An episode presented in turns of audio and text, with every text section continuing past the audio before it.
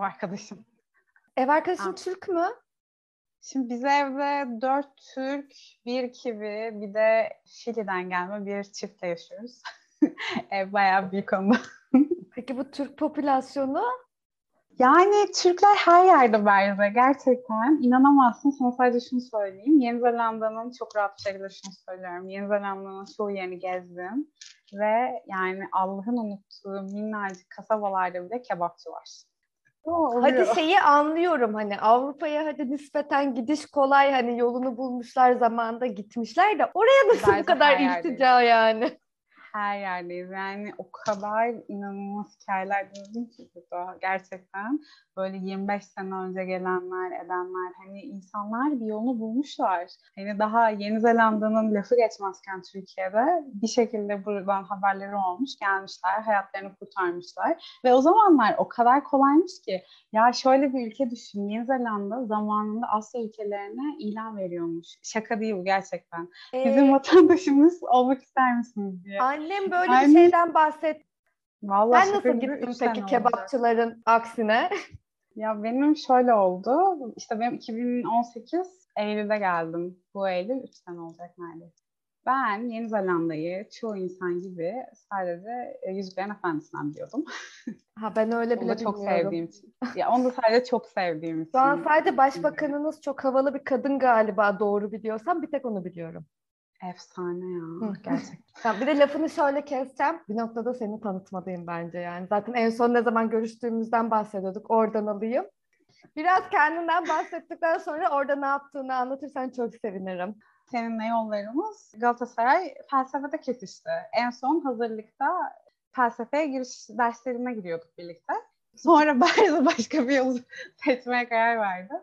Ben devam ettim. 6 senede Galatasaray felsefeyi bitirdim.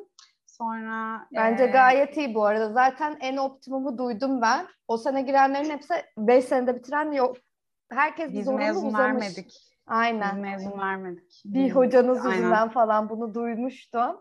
Sonra okula devam etmek istemedim ve iş hayatına atıldım. Bir uluslararası taşımacılık firması diyeyim. Orada iki sene çalışmaya başladım. Terfi etme yolunda ilerlerken istifa etmeye karar verdim. Kurumsalı mı sevmedin? Beyaz yakalılık biraz bastı. Beyaz yakalılık. Ama şu anki aklım olsa, eğer o soruya gelecek olursak, şu anki aklım, aklım olsa felsefe okur muydum? Okumazdım. Çok mu zordu? Zorlu bir yana ben sanırım daha çok mezun olduktan sonra bir meslek edinebileceğim bir bölüm seçerdim. O zamanlar ben kesinlikle okul seçenlerdenim. Kesinlikle okul seçenlerdenim. Ben de aynı şeyi yapmıştım. Ama daha büyük ölçekte düşündüğünde burada Galatasaray mezunuyum. Sovat yani. burada kim Galatasaray'ı tanıyor? Kim felsefe mezunuyumu tanıyor? Ya gerçekten şaka yapmıyorum. Özellikle yurt dışında hayat kurmak istiyorsan birisi kesinlikle global olarak bir karşılığı olan bölüm seçmek zorundalar. Yani bu kesinlikle bir ihtiyaç ve hayatını çok kolaylaştıran bir şey. Boya badana yapmayı bilsen, elektrik işlerinden anlatsan, o tarz böyle hani gerçekten bir meslek işleri yapabilsen şu an cebinde ya, şey vatandaşlığın cebinde. Özellikle şu an burada çok net bir şekilde almıştım vatandaşlığını. O kadar Zana, Zanaat diyorsun yani. Gerçekten zanaat. Önemli bir şey ya. Zanaat ölmedi arkadaşlar. Önemli bir şey. Tamam yani hemen hemen Kadıköy Belediyesi'ne başvurup meslek edinme kurslarında. Gerçekten meslek okullarına yönelmek lazım. Yani özellikle yurt dışında bir hayat yaşamayı düşünüyorsanız en kolay yollarından bir tanesi. Direkt söyleyebilirim. Her ülkenin kendi kafasına göre galiba bir hayat akışı olduğu için biraz öyle. Yani en azından burası özelinde öyle söylüyorum. Ya tabii ki işte Avrupa'ya gitmeyi düşünüyorsan, Berlin'e gitmeyi düşünüyorsan bambaşka bir hikaye. Ama burası özellikle işte hangi okuldan mezunsun? Ne okudundan çok ne işler yaptın? Nasıl deneyimlerin var? Sana bunları soruyorlar. Tamam, tam terfiyi alacaktın. Dedin ki kurumsal bana göre değil. Beyaz yakalık bana göre değil. Sonra? Fenerbahçe'de minik bir bakery'si olan bir arkadaşımın yanında çalışmaya başladım. Çünkü mutfak işlerini çok seviyorum. Hala çok seviyorum. Üç ay onun yanında çalıştım. Bana böyle ekşi mayalı ekmek yapmayı öğretti. Benim zaten o dönemde bu Yeni Zelanda maceram biraz başlamıştı. Ben bu Yeni Zelanda'yı nereden, ne zaman öğrendim onu anlatayım. Bizim üst dönemlerden pek vardır tanıyor bilmiyorum. Benim Yeni Zelanda Working Holiday macerasını öğrenmemin sebebi odur. Onun Instagram paylaşımlarından galiba ilk görmüştüm. Hani zaten işte Yeni Zelanda'dan böyle aşağı yukarı bir fikrim vardı ama buraya nasıl gelinir, neler yapılır hiç bilmiyordum. Sonra bir baktım İpek yavaş yavaş Yeni Zelanda'dan fotoğraflar paylaşmaya başlamış ve inanılmaz ilgimi çekti. Yani zaten paylaştıkları efsaneydi yani görüp de ilgilenmemek benim için çok zordu. Biz de senin paylaşımlarına Sonra... şu an aynı şekilde bakıyoruz bu arada. Öyle oluyormuş değil mi? Sonra işte İpek'le konuşmaya başladım. Hani ben de aynı soruları sordum. Nasıl gitti, ne yapıyorsun, hayat nasıl burada diye. O bana Working Holiday vizesinden bahsetti. Buraya onunla gelmiş. Biraz özetlemek gerekirse Working Holiday vizesini umarım şartları değişmemiştir ama ben başvururken şöyleydi. 18-30 yaş arası için vize. Eyvahlar ama, ama daha 30'a girmedim ben. Bak, henüz son böyle son gününe kadar kabul ediyorlar Berza. Tamam. Gerçi şu an başvurular kapalı. 91'lilere geçmiş olsun diyor ve yolumuza devam ediyoruz şu an. Podcast kapatıyormuş şu an. Aynen 92'lilerin hala ve hala bir şansı var ama şu an başvurular kapandı Covid'den dolayı o ayrı bir mesele senelik 100 kişilik bir kontenjanı var. Sadece Avustralya ve Yeni Zelanda'da geçerli. Üniversite mezunu olman gerekiyor. Banka hesabında 7 bin Yeni Zelanda dolarına karşılık gelen bir bakiyen olması gerekiyor. Böyle e, bu şekilde başvurabileceğin, sana bir senelik Yeni Zelanda'da yaşama hakkı veren, çalışma hakkı veren, seyahat etme hakkı veren bir vize. Biraz work and travel'ın Avustralya ve Yeni Zelanda versiyonu. Aynen, work and, work and travel'a çok benzeyen bir program. Ama sadece Avustralya ve Yeni Zelanda'da geçerli. Zaten çoğu ülkeden buraya gelenler, traveler'lar, backpacker'lar bu vize aracılığıyla geliyorlar. Ama her ülke için şartları değişiyor tabii. Sadece bizim ülke için 100 kişilik bir kontenjan, ancak bir senelik, yani bayağı kısıtlıydı aslında düşündüğümde. Ben de elemeden geçiyorsunuz sonra? Abi şöyle elemeden geçmiyorsun aslında. Birazcık zamanında tabii bu bu kadar popüler değilken Yeni Zelanda'ya yeteri kadar başvuru olmuyordu. Ama Avustralya patlıyordu. Sonra galiba Avustralya şey zorunluluğu getirildi not ortalamasına bakmaya başladılar. Ki tamamen alakasız yani. Hani not ortalamasını bakılmasını gerektiren bir durum yok ortada. Tamamen seyahat amaçlı, yeni deneyimler kazanma amaçlı vize. Ve not ortalaması çok alakasız ama o kadar çok başvuru oldu ki galiba böyle bir karar aldılar. Ama Yeni Zelanda'da bildiğim kadarıyla son zamanlarda böyle bir şey getirmedi. Yani herkes başvurabiliyordu. Sadece üniversite mezunu olman gerekiyor. Bu şekilde vizeni verdikleri andan itibaren bir sene içinde Yeni Zelanda'ya giriş hakkı tanıyor sana. Ve vizen Yeni Zelanda'ya ayak, ayak bastığın anda başlıyor. Benim o süreçte Yeni Zelanda vizemi almıştım ben. Ama işte tereddütlerim vardı hani gitsem mi gitmesem mi doğru bir karar mı diye ve ben de birazcık o zamanlar Avrupa kapılarını zorluyordum. Acaba master mi denesem, oralara mı yönelsem diye. Sonra vizemin bitmesine dört gün kala geldim aslında ben. Yani benim birazcık aynen son dakika kararı oldu. Baya bir sene düşündün yani gidip gitmemeye. Gerçekten bir sene düşündüm gerçekten. Biraz öyle oldu. O esnada hala bakery'de miydin? Ya işte yok sadece işten ayrıldıktan sonra 3 ay bakery'de çalıştım. Sonra buraya geldim. İyi ki de gelmişim şu an diyorum. Hani hayatım o noktasında alabileceğim en doğru kararmış. Özellikle 3 sene sonra baktığımda. Peki bu vizeyi sana verdiklerinde sana işini de buluyorlar mı yoksa sana mı bırakıyorlar? Hayır. Ee, başka hiçbir şey karışmıyorlar. sana böyle vizeni veriyorlar. Ülkeye gel ne yapıyorsan yap diyorlar. Şu şekilde ama yani Yeni Zelanda birazcık bu vizeye çok fazla kendini alıştırmış bir ülke bence. Yani geldiğinde sudan çıkmış balığa pek dönmüyorsun. Hani iş bulmana e, yarayacak. Bu tarz working holiday ile gelen insanları arayan çok fazla iş kolları var. Hatta şöyle söyleyeyim yani gerçekten şu an şu durumda söylüyorum hani Covid durumunda şu an ülkenin en büyük problemlerinden bir tanesi backpackerlerin, turistlerin olmaması. Zaten ülke turistler üzerinden kalkmıyor. Zaten turistlerin olmaması çok büyük bir dezavantaj. Onun yanında backpackerlar da günlük hayatın devamını sağlıyor. Yani mesela benim en büyük backpackerlerin çalıştığı alanlardan bir tanesi meyve toplayıcılığı.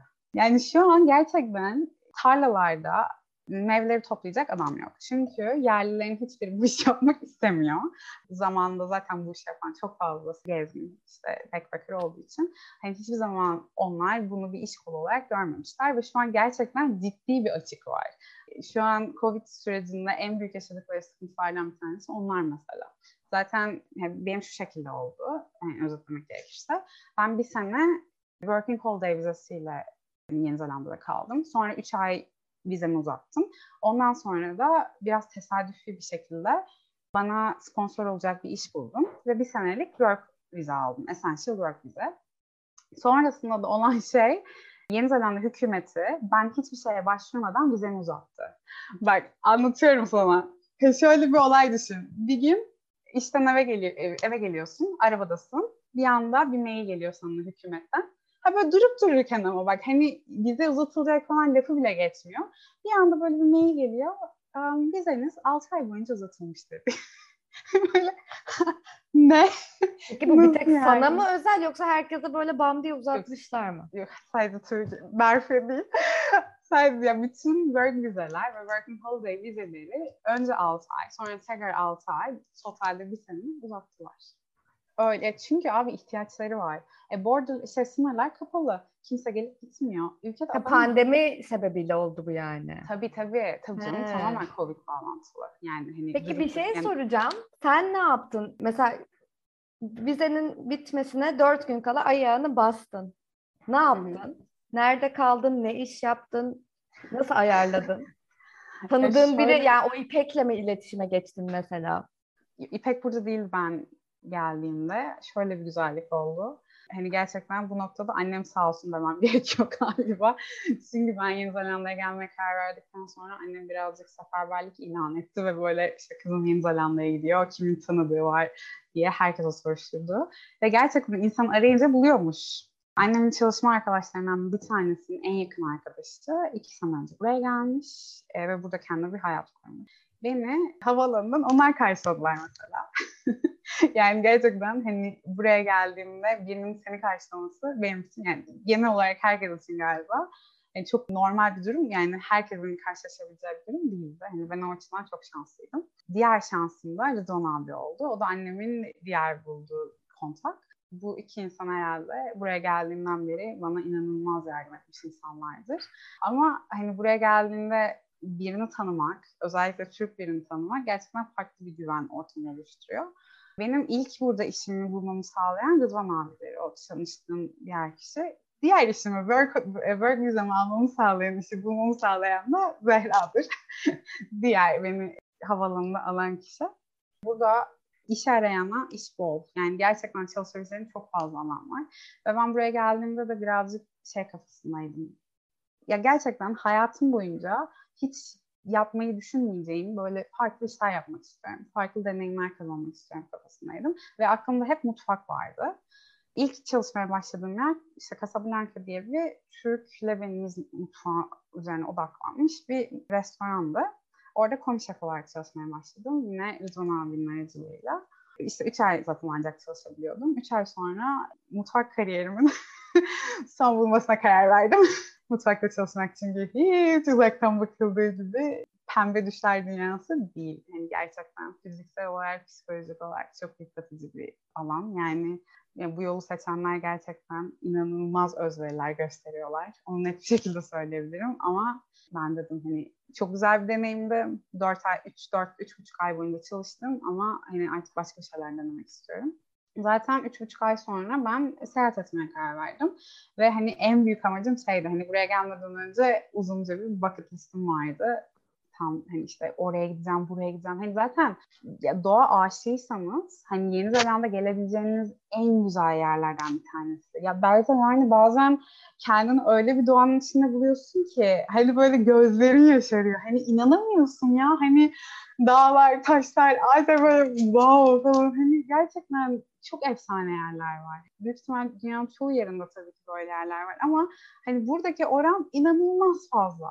Ve özellikle bir seyahat etmek isteyen bir insan için çok güzel noktalar var. Ya ben galiba bu ülkenin en çok o seviyorum. Sonra seyahat etmeye başladım. Bir arkadaşımla birlikte, onu da İpek sayesinde tanıdım. Benim e, yol arkadaşım. Onunla birlikte bir araba aldık. Ve arabayla birlikte işte Auckland'dan başladık. Şu anda ben Auckland'dayım bu arada. Yani Türkiye'de İstanbul diyebilirim. Aynen. Hı hı. Yeni Zelanda'nın İstanbul'u. İşte Auckland'dan başladık. Güney Adana'nın, Yeni Zelanda'da iki adanın oluşuyor Güneyada ve Kuzeyada. Güneyada'nın en ucuna kadar seyahat ettik. Ondan sonra yaklaşık bir 4 ay seyahat ettik diyebilirim. Sonra da 3 e, ay boyunca Güneyada'da küçücük bir kasabada sadece e, vizemi uzatabilmek için. Ha, tabii bu arada da Working Holiday'in bazı kuralları var. Yani mesela işte dediğim gibi 3 aydan fazla bir yerde çalışamıyorsun ve vizeni uzatmak istiyorsan en az 3 ay boyunca bir tarımsal bir işte çalışmak zorundasın. Tarım işi yapmak zorundasın. Yani tamamen kendi çıkarlarını düşünüyorlar. Ben de sırf vizemi uzatmak için kuru kayısı fabrikasında çalıştım 3 ay boyunca. Çok sıkıcıydı ama sonunda 3 aylık uzatma vizemi aldım ve okuluma geri döndüm. Sonra burada bana work vizemi sponsorluk yapacak iş yerine çalışmaya başladım. Hala da oradayım işte. Galiba güzel bir özet oldu. Birkaç sorum olacak. Araba satın aldık derken? Burada araba satın almak yapabileceğin en kolay şey. Ucuz ee, mu? Ya inanılmaz bir sirkülasyon var ve zaten Yeni Zelanda'ya gelip de araba almaman mümkün değil. Yani mümkün değil öyle söyleyeyim. hani 1500 2500 dolar arası gayet rahat bir araba alabilirsin. Yani inanılmaz bir sirkülasyon var. Yani o kadar çok gezgin var ki işte karavanla seyahat etmek istiyorsan karavanlara yönelirsin ya da yani bizim ilk aldığımız araba böyle station wagon F99 model bir Toyota'ydı ve yani çok keyifliydi gerçekten. Hiçbir sorun yaşamadık. Şu an tabii onu Güneydoğu'da sattım hani buraya geldikten sonra. Ama burada da mesela başka bir araba aldım. Yani arabasız da mümkün değil. Yani gerçekten hani Peki şey özellikle... şey mi? Bizimki gibi mi trafik akışı? Yok İngiltere'deki gibi. He, ona nasıl alıştınız hemen? Ya şöyle ben ehliyetimi kaç sene önce aldım? 8 sene önce aldım ama Türkiye'de araba kullanmaktan nefret eden. Yani hiç kullanmadım diyebilirim. Ondan hani benim için biraz sıfırdan başlamak gibi oldu. Hani reflekslerim oturmamıştı. Pek sıkıntı yaşamadım yani. Direkt kullanmaya başladım. Zaten şu an yeni yeni şey alışıyorum. Şehirde araba kullanmaya alışıyorum. Şimdi seyahat ederken hep böyle yokluğun ortasında araba kullanıyorsun. İstediğin gibi kullan. Ama şehirde birazcık daha sıkıntı oluyor tabii. Şimdi 3 ay çalışmana izin veriyor ama 3 ay 3 ay periyotlarla başka yerlerde birkaç kere çalışabiliyorsun. Biri tarım olmak Doğru. zorunda uzatmak istiyorsan. Doğru. Sen şimdi 3 ay çalıştın, arkadaşın da keza ve 3 ay çalıştığınız para sizin daha sonra 4-5 ay gezmenize yetti mi? Ben buraya geldikten sonra aslında seyahat etmenin, seyahat etmek isteyenin ne kadar kolay seyahat edebileceğini öğrendim. Ya gerçekten konfor zonunu birazcık zorlarsan, birazcık esnetirsen inanılmaz alanlar açılıyor. Ama tabii bunun Yeni Zelanda'da olmanın da bir avantajı var galiba.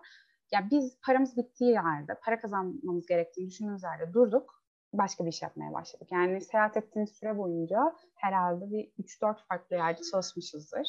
Bunların arasında üzüm toplamak, midye fabrikasında çalışmak, housekeeping'lik yapmak, yine aynı şekilde böyle au pair'lik gibi bir iş yaptık kısa bir süre. Yani kısa sürelerde işte 3 hafta bu işi yapıyoruz, para biriktiriyoruz, sonra yola devam ediyoruz. Bir de bu ülkede şöyle iki tane yani ben seyahat ederken iki şeyden çok yararlandım. Bir tanesi Couchsurfing. Yani aslında bir seyahat platformu diyebilirim galiba buraya en çok ve ve burada çok yaygın. Yani ben Couchsurfing'de galiba 10 14-15 farklı evde kaldım. Ya basic olarak seyahat edenlerle seyahat edenleri tanımak isteyenleri birleştiriyor. Hmm. Yani en basic şekilde o şekilde anlatabilirim galiba. Dünyanın her yerinde couchsurfing yapabilirsin. Ya ben tek başıma seyahat etseydim cesaret eder miydim bilmiyorum belki ama Züleyha ile seyahat ettiğim için bir tık daha böyle evet ya onu da yapalım bunu da yapalım daha böyle cesaretli oluyorsun. Ve yani gerçekten yaptığımız en iyi şeydi seyahat ederken herhalde. Çünkü o kadar farklı evlerde kaldık. O kadar farklı insanlarla tanıştık ki. Ve gerçekten hani insanlar sırf seni tanımak istiyor. Ya bir tane adam var mesela şey yapmış böyle dünya haritasını koymuş. Adamın amacı dünyanın her yerinden seyahat edenleri ağırlamak. Şey, şey böyle, pinliyor mu tanıştıkça? Aynen pinliyor. Şey de böyle geldi dizi oldu. Ben de Türkiye'den birini bekliyordum. Gerçekten. Ay diyor ki niye seyahat edeyim ki ya diyor işte seyahat edenler ayağıma geliyor. Dünyanın her yerinden insanlarla tanışıyorum diyor. Ya gerçekten çok güzel kafalar var. Ve yani bazı kaldığımız bazı evler çok iyiydi. Yani arasan öyle hani Airbnb'ler falan zor bulursun. Bazı yani gerçekten yani şu an bazı evleri düşündüğümüzde gerçekten iyi ki bu kararı almışız diyorum. Ya bir de çok hikayeler dinliyorsun. Çok güzel hayatlara dokunuyorsun. Keyifliydi. Bir de onun dışında burada woofing diye bir şey var. Woofing de şöyle bir şey. Tamam kalacak yer ve yiyecek karşılığında belli bir saatlik iş teklif ediyor. Atıyorum hmm. diyor ki biz bunu Koromendel'de yani buraya böyle 3 saatlik mesafede çok güzel bir tatil köyünde yaptık. Diyor ki sana kalacak yer veriyorum, işte yiyecek veriyorum. Sen de haftanın 5 günü günde 4 saat housekeeping yapacaksın diyor. Ama yani mesela o şart yani o şartlarda aşırı iyiydi. Çünkü çok güzel bir minik bir bungalovda kalıyorduk. Buzdolabımız ağzına kadar doluydu ve bize de seyahat edecek. Ya bir de çok güzel bir yerdeydi. Yani gerçekten tatilde çok güzel bir yerdeydi. Çevreyi gezecek, işte beachlerde takılacak zaman kalıyordu. Yani gerçekten harika bir deal bence. Ve burada seyahat etmek isteyen insanlar bunu çok kullanıyorlar. Yani gerçekten her yerde karşılaşabilirsin bu fırlarla.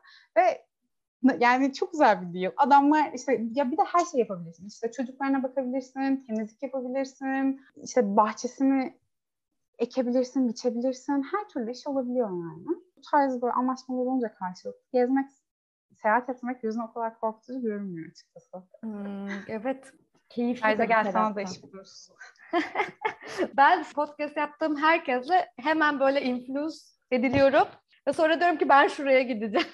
Ama bir şey söyleyeyim mi? Yani gerçekten şu an kendime en böyle uyabilecek şekilde gidebileceğim bunu buldum. Çünkü bak şey çok önemli. Konuştuklarımın hepsi ya böyle direkt iş bulup gitmiş ve buna müsait işleri var. Çünkü benim de global bir mesleğim yok bu arada.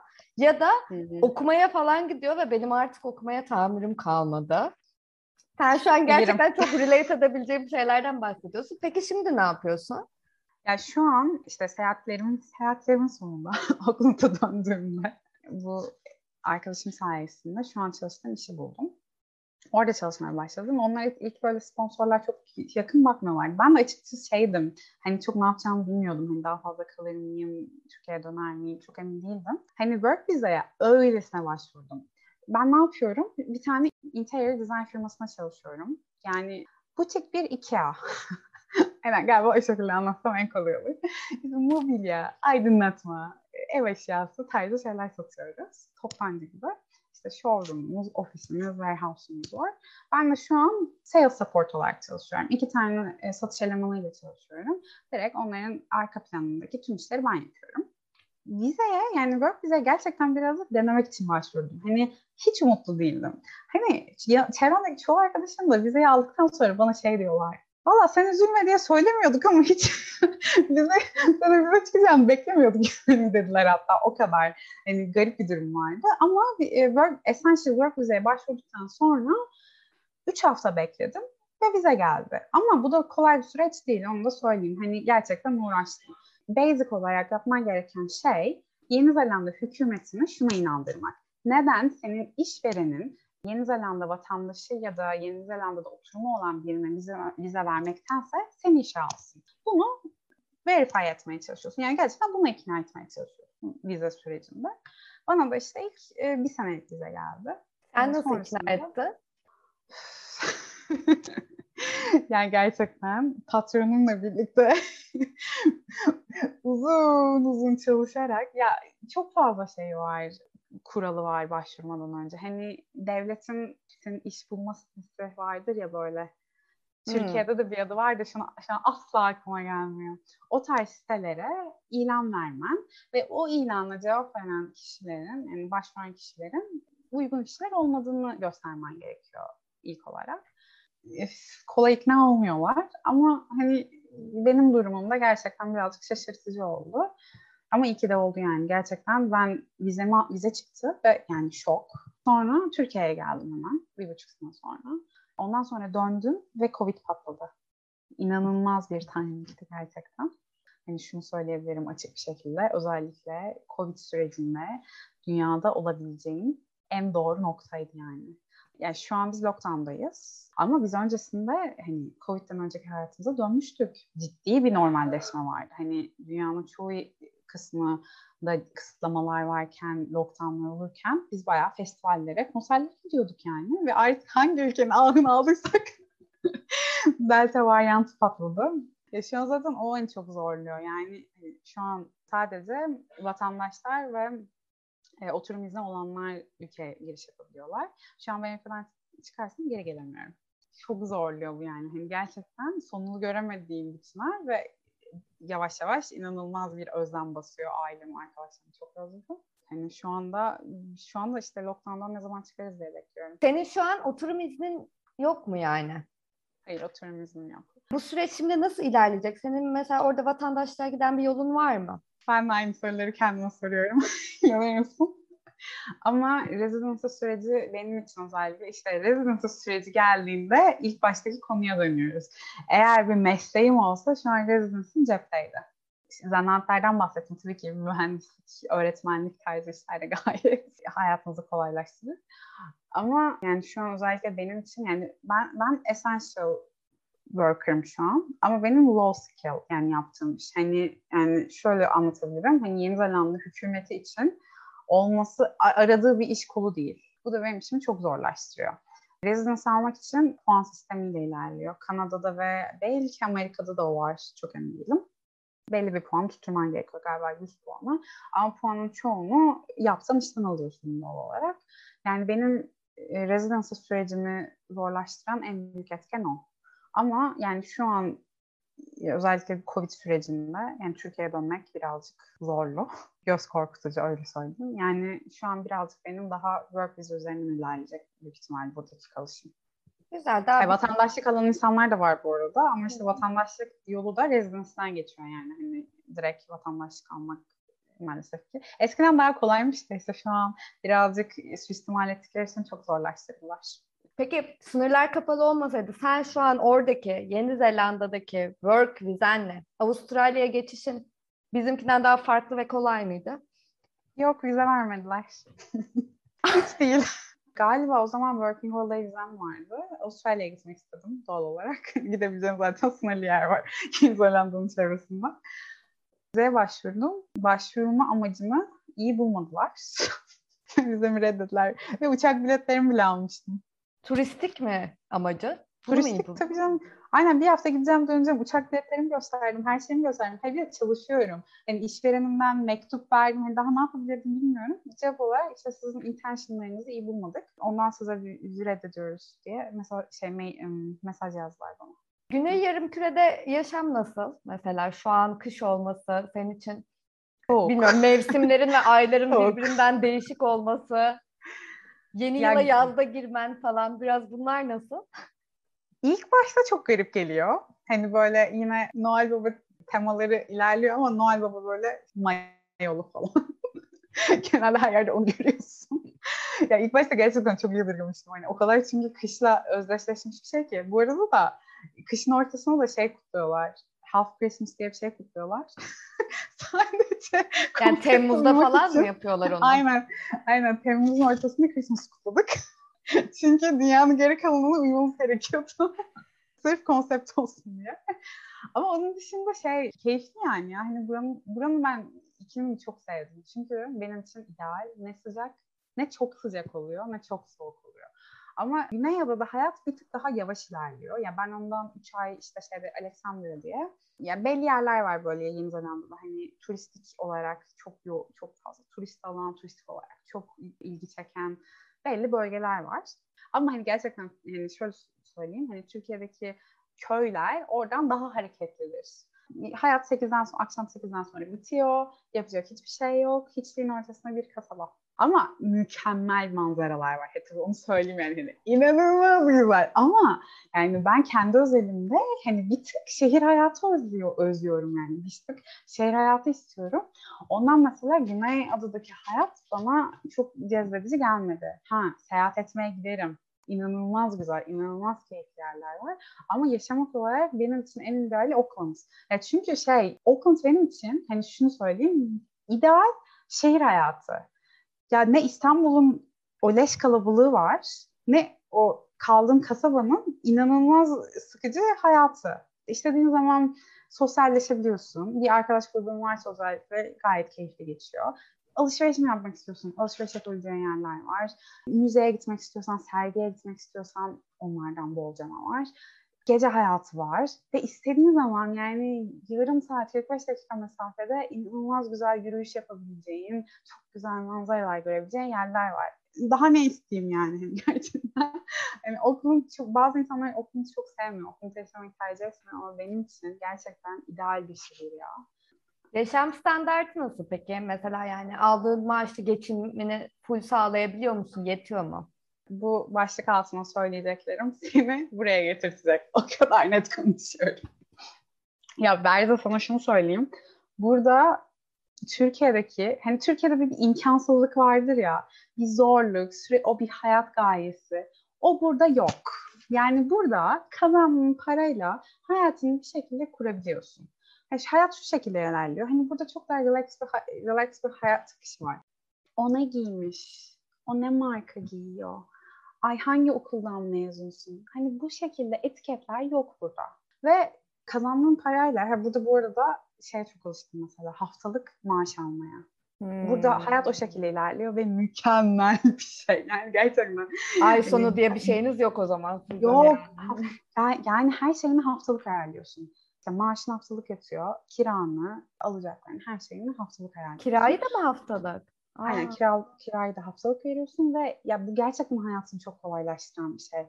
Finansal olarak hayatını çok daha kolay bir şekilde planlayabiliyorsun. Ve şu çok yaygın. Flatting yani ev paylaşımı inanılmaz yaygın. Yani burada tek başına yaşayan arkadaşım çok azdır mesela. Ve bence dünyanın en mantıklı şeyi. Yani ben yalnız bir insan olarak hani şu an tek başıma eve çıkmayı hiçbir şekilde tercih etmem. Eğer ev arkadaş güzel bir ev, işte ev arkadaşlarımla uyumlu bir şekilde hayatını devam ettirebiliyorsam gerçekten ev paylaşmak en mantıklı şey. Hani ben şu an şey diyorum mesela Türkiye'deki İstanbul'daki arkadaşlarımla konuşunca niye ya İstanbul'da ev paylaşımı niye yaygın değil? Yani gerçekten ya benim ev arkadaşlarımdan bir tanesi 60 yaşında. İnsanlar hani bunun bir yaş sınırı, kültür sınırı, statü farkı yok yani. Gerçekten herkes ev paylaşımını bir hayat tarzı olarak yaşıyor ve gerçekten eğer yani hayatını çok daha kolay bir şekilde idame ettirebiliyorsun. İşte istediğin zaman sosyalleşebiliyorsun. Sosyalleşmeye bütçen oluyor öyle söyleyeyim. Akşamları dışarıya çıkıp takılmak, işte güzel bir restoranda yemek yemek istiyorsun. Ona bütçen oluyor. Yani gerçekten daha mümkün bir hayat var. Ben şu an işte araban olabilir, araba, araba alabiliyorsun rahat bir şekilde. Petrolünü rahat bir şekilde koyabiliyorsun. Benim şu an en büyük tedirginliklerimden bir tanesi ben buradaki hayat standartımı ki hayat standartım dediğim de hani öyle çok büyük bir beklentiyle söylemiyorum. Gayet basic. İşte göreceli olarak güzel bir evde kalıp iyi ev arkadaşların olup işte haftada birkaç gün belki dışarı çıkmak, sosyalleşmek ve istediğim e, mutfak alışverişini yapabilmek. Bir de kiranı ödemek. Bitti. Hani bunu Türkiye'de, İstanbul'da nasıl sağlayacağımı bilmiyorum. Bana bunun cevabını biri versin. Yok ben ver bende yok o. Yok ben de kendime bu soruyu soruyorum, soruyorum. Cevabını bulamıyorum. Buradaki hayat tarzını, insanların hayata bakışını gördüğümde hep şunu diyorum. Üç senedir kendime bunu diyorum. Yani biz İstanbul'da özellikle bunu kendimize, kendimize bu stresi, bu yükü niye yüklüyoruz? Yani biz bunu neden yaşıyoruz gerçekten? Buraya geldikten sonra ben fark ettim o İstanbul'daki kendi üzerime. Hani sadece başkalarının benim üzerime ya da işte toplumun benim üstüme yüklediği yüklerden falan değil de hani kendi kendime kurduğum sıkıntılardan, stresten bahsediyorum. Ya diyorum dedim ben nefes alamıyormuşum İstanbul'da. İnanılmaz bir şey gerçekten. Working Holiday vizesiyle gelemeyenlerin direkt bir şekilde gelip orada iş bulup hayat kurma gibi bir imkanı var mı? Gene pandemiden bağımsız yaşla alakalı soruyor olayım bunu. Özellikle iş gücüne çok fazla ihtiyaç olan bir ülke olduğu için yani burada kurumsal bir hayat olan insanlar da var mesela. İstersen hatta e, onlarla da podcast yapabilirsin bence. Onlar da farklı, çok farklı İstiyorum. hikayeler. Vodafone'da çalışan arkadaşım var ilaç firmalarında, uluslararası ilaç firmalarında çalışan arkadaşlarım var. Onlar o şekilde işte buldu yani iş bulup geldiler. Buraya dil okuluyla gelip ondan sonra iş kovalayan insanlar var. Ya buraya yani gerçekten şey mülteci olarak gelen tanıdıklarım bile var. Ondan insan istedikten sonra gerçekten bir yol buluyor ya. Ve hani Working Holiday vizesi de mesela şu şekilde. Yani buradayken o kadar farklı hikayeler duyuyorum ki. Mesela en son bir aileyle tanıştım. Ege psikoloji mezunu. Benim aynı zamanda gelmiş aşağı yukarı. Önce eşi geliyor. Burada kendine böyle bir hayat kuruyor. İş bulup geliyor bildiğim kadarıyla. Bir güvencesi olduktan sonra da eşi ve iki tane de çocukları var. Çocuklarını getirtiyor. Çocukların İngilizcesi bile yok. Ama şu an ikisi de şakır şakır İngilizce konuşuyorlar. Ve yani Türkiye'de yaşayacaklarından çok farklı bir hayat yaşıyorlar. Ve ben şey dedim hani onların hikayelerini duyduktan sonra benim aldığım risk hiçbir şey. Yani onlar bayağı Türkiye'de her şeylerini bırakıp yepyeni bir hayata adım atmışlar ve düşündüğünde hiç kolay bir şey değil. Ama yani gerçekten yapan var. Hani öyle hikayeler duyduktan sonra ya gelinir ya, yaparsın ya istedikten sonra. Gerçekten o kafaya giriyorsun. Şunu anlayabiliyorum. Yani mesela ben de buraya gelmeden önce ya da vizeye başlama sürecinde çok şeydim böyle. Nasıl yapacağım, nasıl edeceğim, nasıl olacak yani diye çok kendime soruyordum. Ama ya gerçekten bir şekilde yolunu buluyorsun. Mesela bak sana şunu söyleyeyim. Ben buraya gelmeye karar verdikten sonra işte vizem çıktı. Hep tamam geliyorum falan dedim. Deli gibi işte şeylere bakıyorum. İşte Yeni Zelanda ile ilgili ne paylaşımlar yapılmış, blog var mı, e, YouTube kanalı var mı falan filan diye. Ve bir tane ve o anımı da hiç unutmuyorum. Bir tane bloğa denk geldim. Yeni Zelanda'daki hayatına nasıl geldiğini, neler yaşadığını, deneyimlerini anlatmış. Ya dedim ki galiba o zaman şeydi, pardon ben buraya gelmeye karar verdim ama daha vizeye başvurma sürecindeydim. Daha vizemi almamıştım. Dedim ki ya dedim nasıl güzel anlatmış ya bir gün dedim ben de bu hayatın içinde olabilecek miyim dedim. Şu an o blog yazan arkadaşım ev arkadaşım. tesadüf. Tamamen tesadüf. Tamamen tesadüf. Yani şu an hatta bloğuna da devam etmiyor. Ama yani, yani düşündükçe böyle wow diyorum. Nasıl denk geldi yine. Ama biraz ona inandım buraya geldikten sonra. Hani şey dedim aslında o kadar da gözümüzde büyüttüğümüz kadar büyük bir mesele değilmiş. Umut oldum tekrardan. Peki bize başkaca söylemek istediğin bir şey var mı? Ne merak ediyorsun? Onun üzerinde verleyeyim. Yani meraklarım büyük oranda tatmin ettim. Bilmiyorum başka şunu da eklemek istiyorum dediğim bir şey varsa benim sormayı unuttum. Hayır demeyiz. Umarım da bilmiyorum yani dinleyenlerden biri de senin bu ev arkadaşın olan kişiden senin inflüşlandığın gibi birileri de buradan evet. inflüşlenir. Ve sonra hep beraber... İleride ev arkadaşı oluruz belki gençler. Evet belki birlikte bubble'a gireriz. Aynen. Bir dahaki lockdown'u bekliyorum. Ya şey buraya geldiğimde hayal kırıklığına uğrayan insanlar var. Yok değil. Yani gelip de buradaki hayatı sevmeyen. Herhalde galiba şunu söylemem gerekiyor. Burası bir Avrupa şehri değil. Yani kesinlikle o beklentiyle kimsenin gelmemesi gerekiyor. Burası işte köklü bir tarihi olan, inanılmaz mimarisi olan bir şehir değil, bir ülke değil. Yani eğer öyle beklentileriniz varsa gerçekten burası hayal kırıklığına uğratacaktır. Yani burası tamamen doğa odaklı gerçekten seyahat etmek isteyenin işte böyle bir bucket listi olan işte adrenalin dolu aktiviteler yapmak isteyen falan insanların gelmesi gereken bir yer. Ama onun dışında işte mesela ben hani şunu söyleyebilirim biraz. Hani böyle gerçekten kariyer odaklıysanız kafanızın bir yerlerinde buradan çok tatmin olmayabilirsiniz. Hani çünkü burada öyle bir hayat akışı yok. Yani burada çalışma hayatı da çok farklı hiçbir şekilde Türkiye'dekiyle ya da Avrupa ile kıyaslanabilecek bir çalışma düzeni yok. E, galiba bunu söylemek bir yerde önemli. Yani çünkü eğer öyle bir beklentiyle gelirseniz burada arayacağınızı bulamayacaksınız. Evet öyle beklentisi olanlar vardır bence de yani. Konfor alanından çok çıkıyorsun zaten bir kere. Ama sana bir şey diyeyim mi? Bak şimdi slogan söylüyorum. Hayatın konfor alanından çıktıktan sonra başlıyor. Bölüm adı diyebilir miyiz? Neden olmasın? Şey aklıma soracak son bir soru geldi. Sonra da seni akşam yemeğine uğurlayacağım.